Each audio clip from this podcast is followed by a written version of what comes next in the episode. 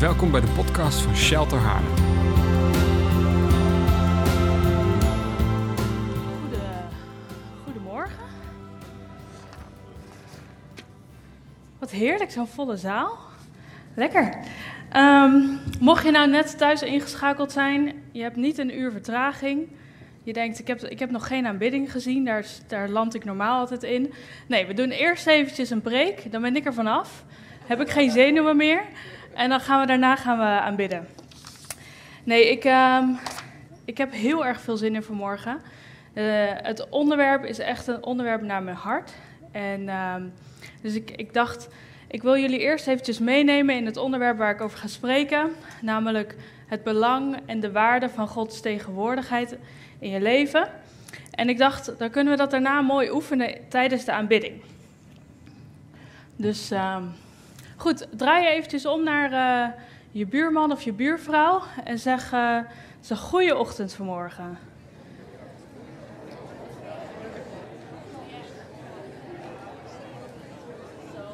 En dan uh, draai je dan eventjes om naar je, naar je tweede keuze en zeg, ben je er klaar voor?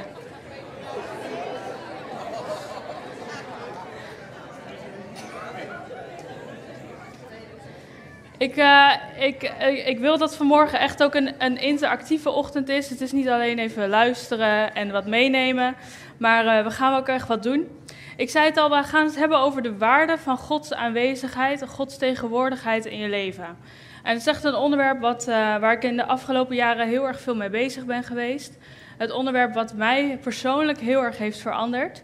Um, en ik heb voor mezelf voor het komende jaar heb ik gezegd, ik wil gaan oefenen hoe ik mensen kan leren om uh, de aanwezigheid van, uh, van God in je leven te, te hosten en te hebben. En ik dacht, waarom als ik dat het komende jaar wil gaan leren, waarom neem ik dan niet meteen deze dienst als een soort van uh, proefje? Ga ik al meteen beginnen met dit onderwerp. Dus ik, ik ben nog zelf ook op een, op een zoektocht van hoe kan ik hier dingen over uitleggen, hoe kan ik mensen meenemen in Gods tegenwoordigheid. Um, dus weet, weet dat, uh, dit is, deze preek is, een, uh, is voor mijzelf ook een oefening en een start van, uh, van een zoektocht. Um, ja, heeft Gods tegenwoordigheid, Gods aanwezigheid in jouw leven, heeft die waarde?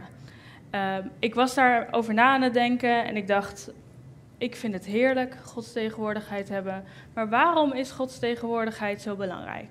Ik ga je eventjes heel erg kort meenemen, eigenlijk door de hele Bijbel heen, zodat je even een, een plaatje en een beeld hebt uh, van Gods aanwezigheid. Ik denk namelijk dat Gods aanwezigheid heel erg belangrijk is, omdat het Gods originele plan is. In Genesis 1, vers 1 staat: In het begin schiep God de hemel en de aarde. De aarde was nog woest en doods en de duisternis lag over de oorvloed, maar Gods geest zweefde over het water. En uh, wat ik daar lees, nog voordat er iets was, was Gods geest er al. Nog voordat er iets op de aarde bestond, was zijn aanwezigheid er. Wat ik daaruit lees, is dat het Gods originele plan is om met zijn aanwezigheid ergens te zijn. Goed, we weten, als het goed is, weet je het verhaal. De zondeval is er, er gebeurt wat in de tuin. Met, uh, Adam en Eva moeten weg. En wat je dan in het oude verbond ziet, in het oude testament, is de enige manier waarop Gods aanwezigheid er was, was in een tent van de ontmoeting of in, uh, in een tempel. En uh, wat ik zo mooi vind, is dat God wil zijn alleruiterste best doen om altijd nog aanwezig te kunnen zijn.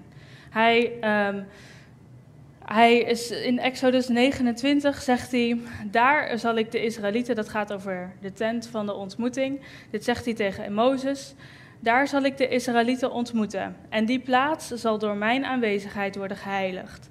Ik zal te midden van de Israëlieten wonen en ik zal hun God zijn.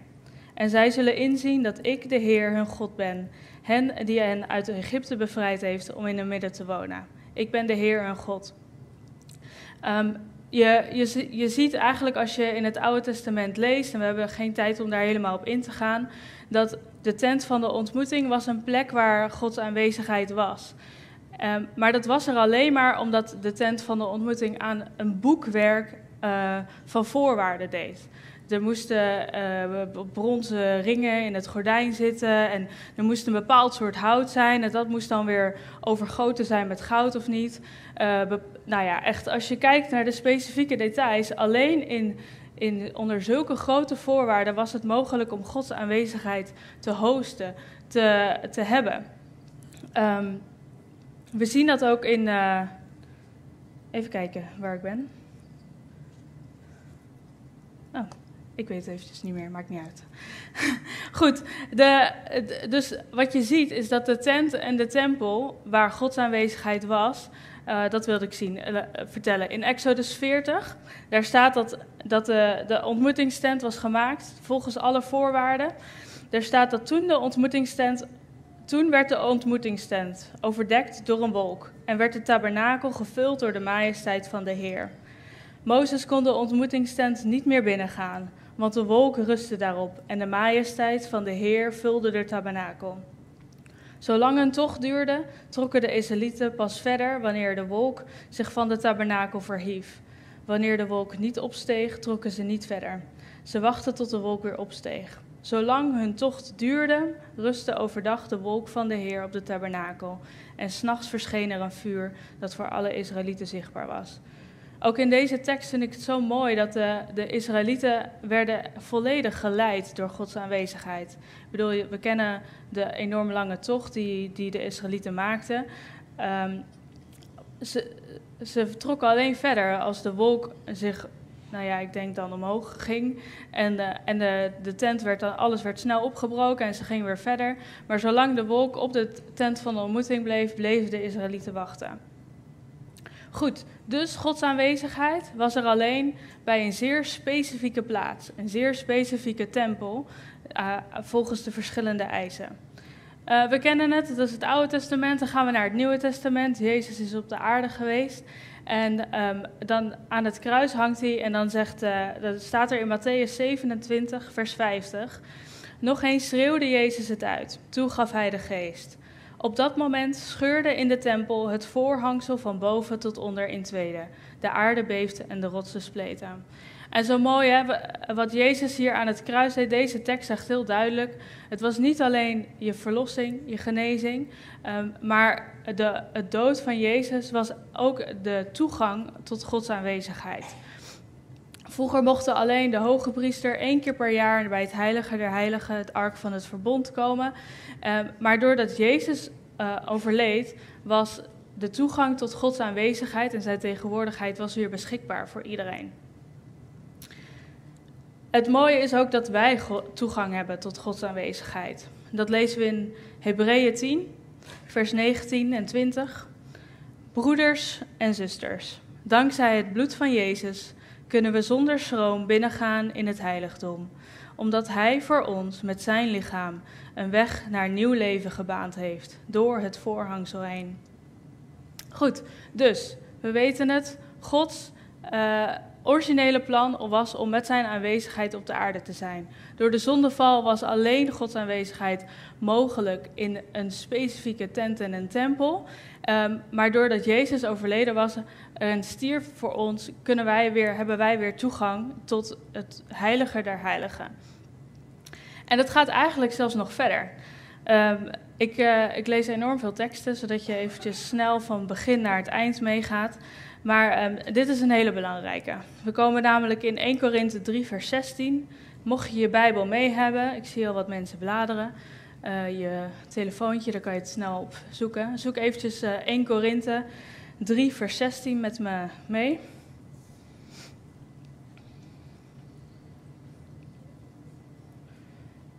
Er staat hier, want weet u niet dat u een tempel van God bent en dat de geest van God in uw midden woont. Indien iemand Gods tempel vernietigt, zal God hem vernietigen, want Gods tempel is heilig. En die tempel bent u zelf. En ik vind dat, ik vind dat we zien dat zo erg vaker dat in het Nieuwe Testament iets vanuit het Oude Testament door, door God, uh, door Jezus eigenlijk opnieuw uitgevonden wordt, of dat daar de betere versie van gemaakt wordt. En nu zien we dat ook. Weet u niet dat u een tempel van God bent en dat de geest van God in uw midden woont? Indien iemand Gods tempel vernietigt, zal God hem vernietigen, want Gods tempel is heilig. En die tempel bent u zelf. Dus dat plaatje van in het Oude Testament was Gods aanwezigheid in de tempel, maar Gods aanwezigheid was er alleen maar vanwege de enorme eisen die gesteld werden aan de tempel. En uh, doordat Jezus stierf en het voorhangsel scheurde, zijn wij nu de tempel. En is in jouw tempel is Gods aanwezigheid mogelijk. Misschien, uh, we hebben het net al even geoefend, kan je eventjes naar de persoon naast je draaien en zeg, jij bent een tempel van God. Ben je thuis, pak even je telefoon, app eventjes iemand, jij bent Gods tempel. Draai eventjes naar de ander, Gods aanwezigheid, die wil in jouw tempel zijn.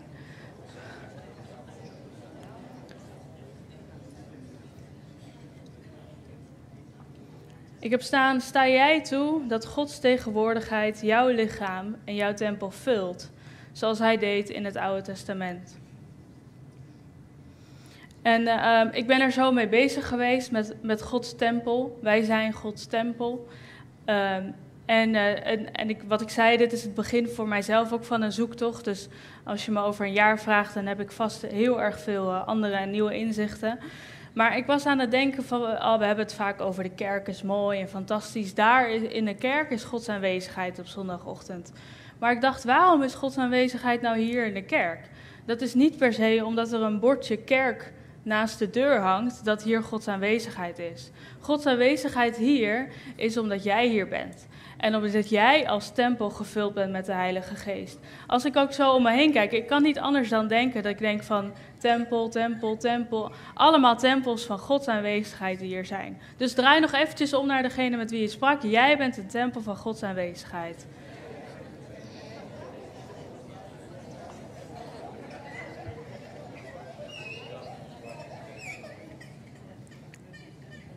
Ik vind het zo mooi, hè? Gods aanwezigheid, Gods tegenwoordigheid.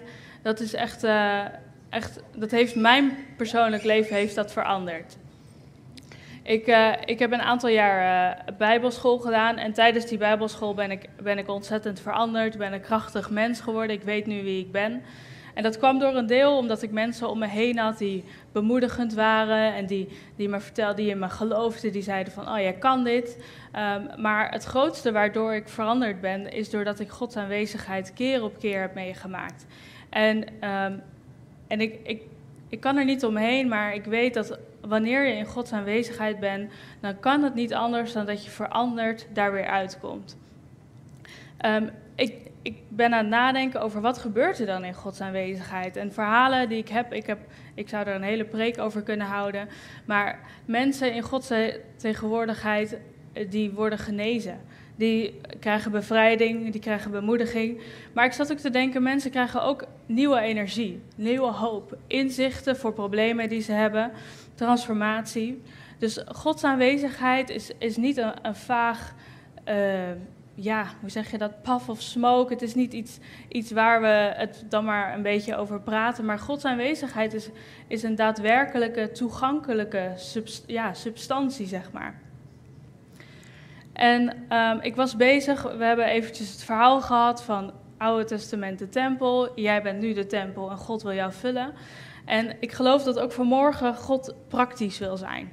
En dat hij uh, niet alleen door de microfoon en mij wil spreken, maar dat God persoonlijk tegen jou wil spreken.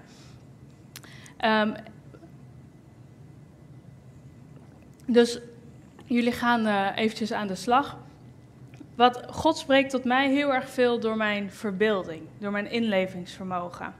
En um, ik, ik, uh, ik ga jullie daarin meenemen en eventjes een, een oefening in laten doen. Maar um, we beginnen eventjes met de Bijbelse basis daarvoor. In Efeze 1, vers 18 staat: Mogen uw hart verlicht worden, zodat u zult zien. En uh, dat woordje mogen uw hart, dat kan je eigenlijk in de grondtekst ook vertalen als mogen uw, uw verbeelding of uw inlevingsvermogen verlicht worden. En ik geloof dus echt dat God wil spreken tot ons verbeelding en ons inlevingsvermogen. Dus um, we doen eerst even een oefening en dan gaat God uh, echt tot jullie spreken. Um, doe eventjes, je mag allemaal eventjes je ogen dicht doen. Dat is gewoon zodat je makkelijker kan, kan concentreren. En als ik zeg, stel je voor, stel je een roze olifant voor. Als je dat lukt, mag je even je hand omhoog doen. Dan weet ik eventjes, Jullie zijn echt heel goed in inleven.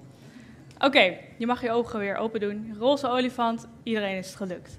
Um, de volgende vraag is eventjes, hoeveel deuren heb jij in jouw huis? Je mag zelf weten of dat uh, de deuren zijn waar je doorheen kan uh, gaan. Als het helpt, kan je even je ogen dicht doen. Mij helpt het om eventjes je ogen dicht te doen. Dan kan ik even... Als, je, als het gelukt is, je hebt een... Uh, ik zie mensen al tellen op hun handen. Gaat heel goed. Weet je het ongeveer? Doe, dan even je hand omhoog. Wie, um, ik zie dat de meeste mensen er zijn. Wie heeft zijn, uh, zijn, zijn verbeeldingsvermogen of zijn inlevingsvermogen gebruikt om. Uh, wie ging er eigenlijk in zijn hoofd door zijn huis lopen? Eigenlijk iedereen, zie ik. Ik kan thuis niet zo goed zien. Maar. Um, en ik geloof dat dit is hetgene waar God u wil spreken. Uh, die, die plek waar je eigenlijk door je huis heen loopt in je hoofd. Ik zie dat voor me als een soort doek. Waar God iets op wil schilderen. Hij wil je iets vertellen. Um, en het mooie is, Efeze zegt dus, mogen, mogen uw ogen geopend worden voor datgene wat God tot je wil zeggen. Dus um, waar we het net over hadden, jij bent een tempel. Ik geloof dat God jou vanmorgen wat wil laten zien over de tempel die jij bent. Dus uh, ga eventjes uh, ontspannen zitten. Uh, als het je net geholpen heeft om je ogen dicht te doen, mag je je ogen weer dicht doen. Maar Heilige Geest, ik dank u wel dat u hier bent. En Heilige Geest, ik dank u wel dat u wilt spreken, een plaatje wilt creëren op het doek in ons denken. En dat u vanmorgen persoonlijk wil worden. En uh, uh, ik, zal je, ik zal je meenemen door wat vragen te stellen. Maar eigenlijk is dit een fantastisch mooi gesprek tussen jou en God. Je hebt net gehoord, jij bent de tempel die God wil vullen. Gods aanwezigheid wil in jou als tempel komen. En ik geloof dat God jou wat wil laten zien over de tempel die jij bent. Dus Heilige Geest, ik vraag u gewoon, wilt u laten zien wat voor tempel zijn wij? Misschien gaat God je wat laten zien over hoe, je er, hoe de tempel eruit ziet. Je hebt vast een plaatje van een, een, uh, een oude tempel. En mocht je wat zien, dan. God is zo leuk. Hè? Hij wil een gesprek met jou. Dus stel dat je een bepaalde kleur ziet, kan je vragen: God, wat, wat betekent die kleur? Waarom heb ik zoveel deuren? Of. Dank u wel, Heilige Geest. En God, u zegt dat u met uw aanwezigheid wil komen. Hoe ziet dat er dan uit?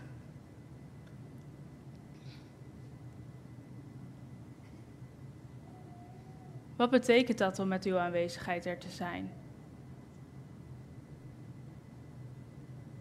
Misschien moet je de basisvraag stellen: God, is uw aanwezigheid in mijn tempel?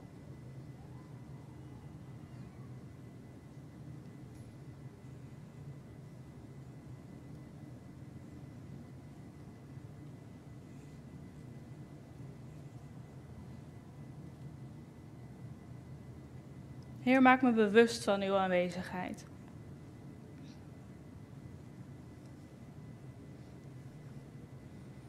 En we hadden het vanmorgen in de voorbereiding voor de dienst hadden we het ook over fijngevoeligheid voor Gods aanwezigheid. Misschien wil je God vragen om je fijngevoelig te maken voor wanneer zijn aanwezigheid er wel of niet is. Dank u wel, God, dat u zo'n ontzettend persoonlijk God bent.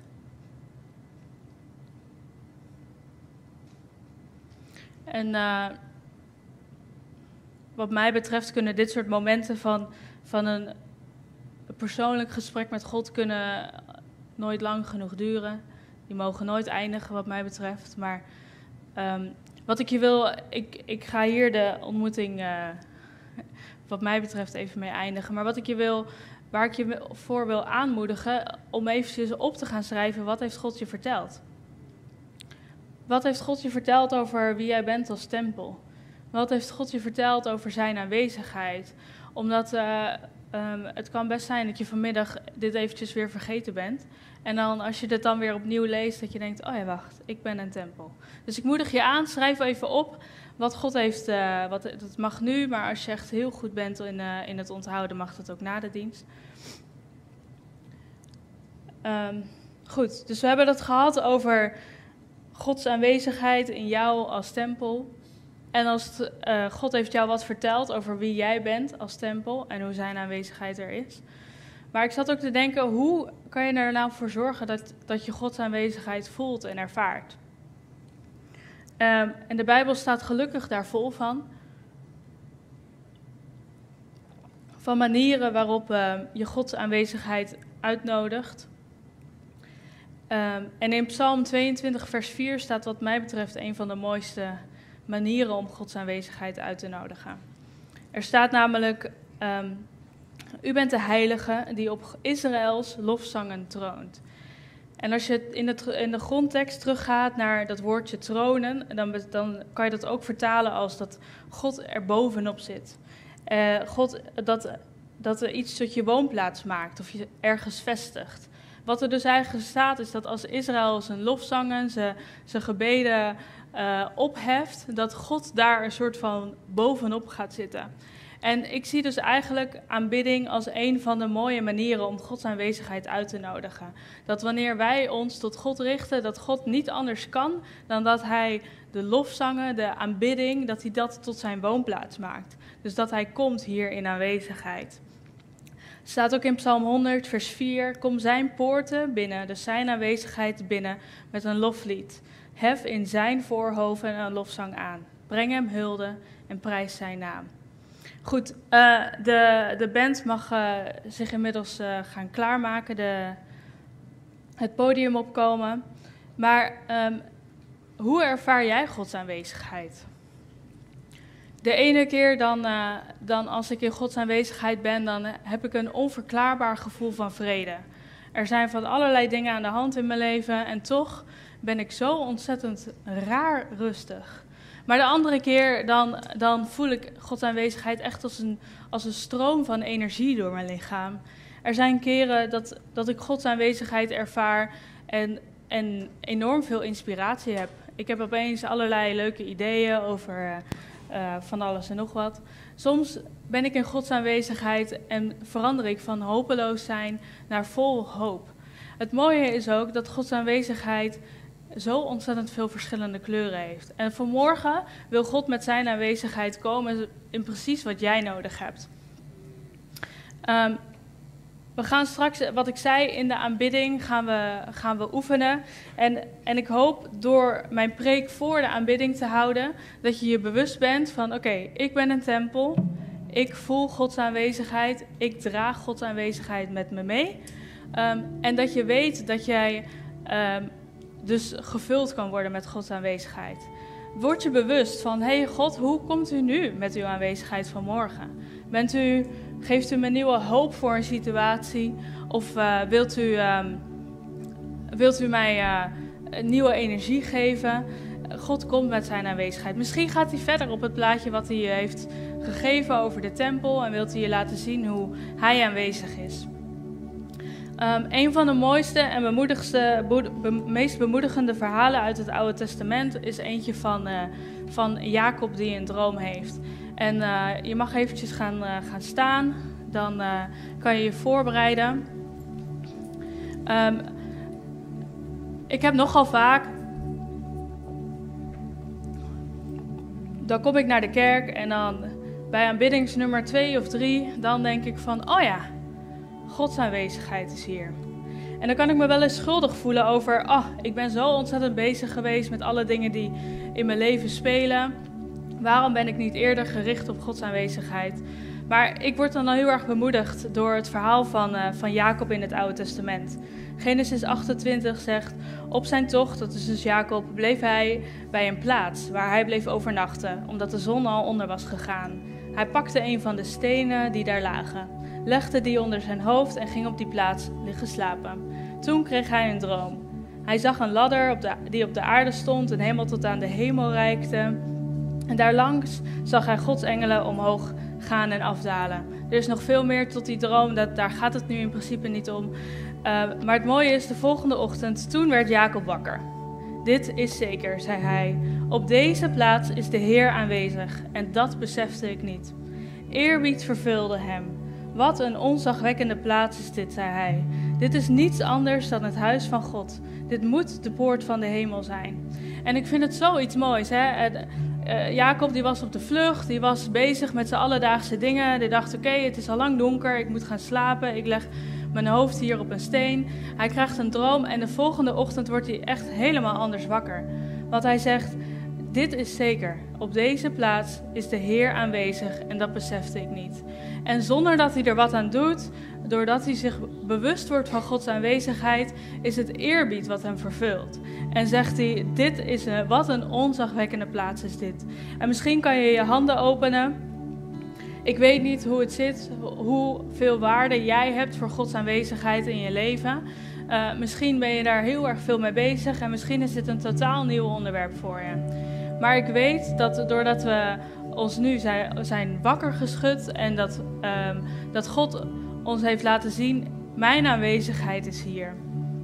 En ik geloof dat het niet anders kan dan dat als we bewust worden van zijn aanwezigheid, dat we eerbied ons vervult. En misschien kan je alvast eventjes gewoon daarover na gaan denken. Van God, uw aanwezigheid is hier. Misschien besefte ik het, misschien besefte ik het niet. Ik ben een tempel van uw aanwezigheid. Misschien besefte ik het, misschien besefte ik niet. Maar ik, wil, ik ben met eerbied vervuld voor uw aanwezigheid. Wat een onzagwekkende plaats is dit. Dit is niets anders dan het huis van God. Dit moet de poort van de hemel zijn. Laten we God op de, vanuit deze plek gaan aanbidden. Dank voor het luisteren naar onze wekelijkse podcast. De missie van Shelter is Gods Koninkrijk zichtbaar maken in onze wereld. Wil je onze gemeente financieel ondersteunen in deze missie? Ga dan naar www.shelter-haarlem.nl geven.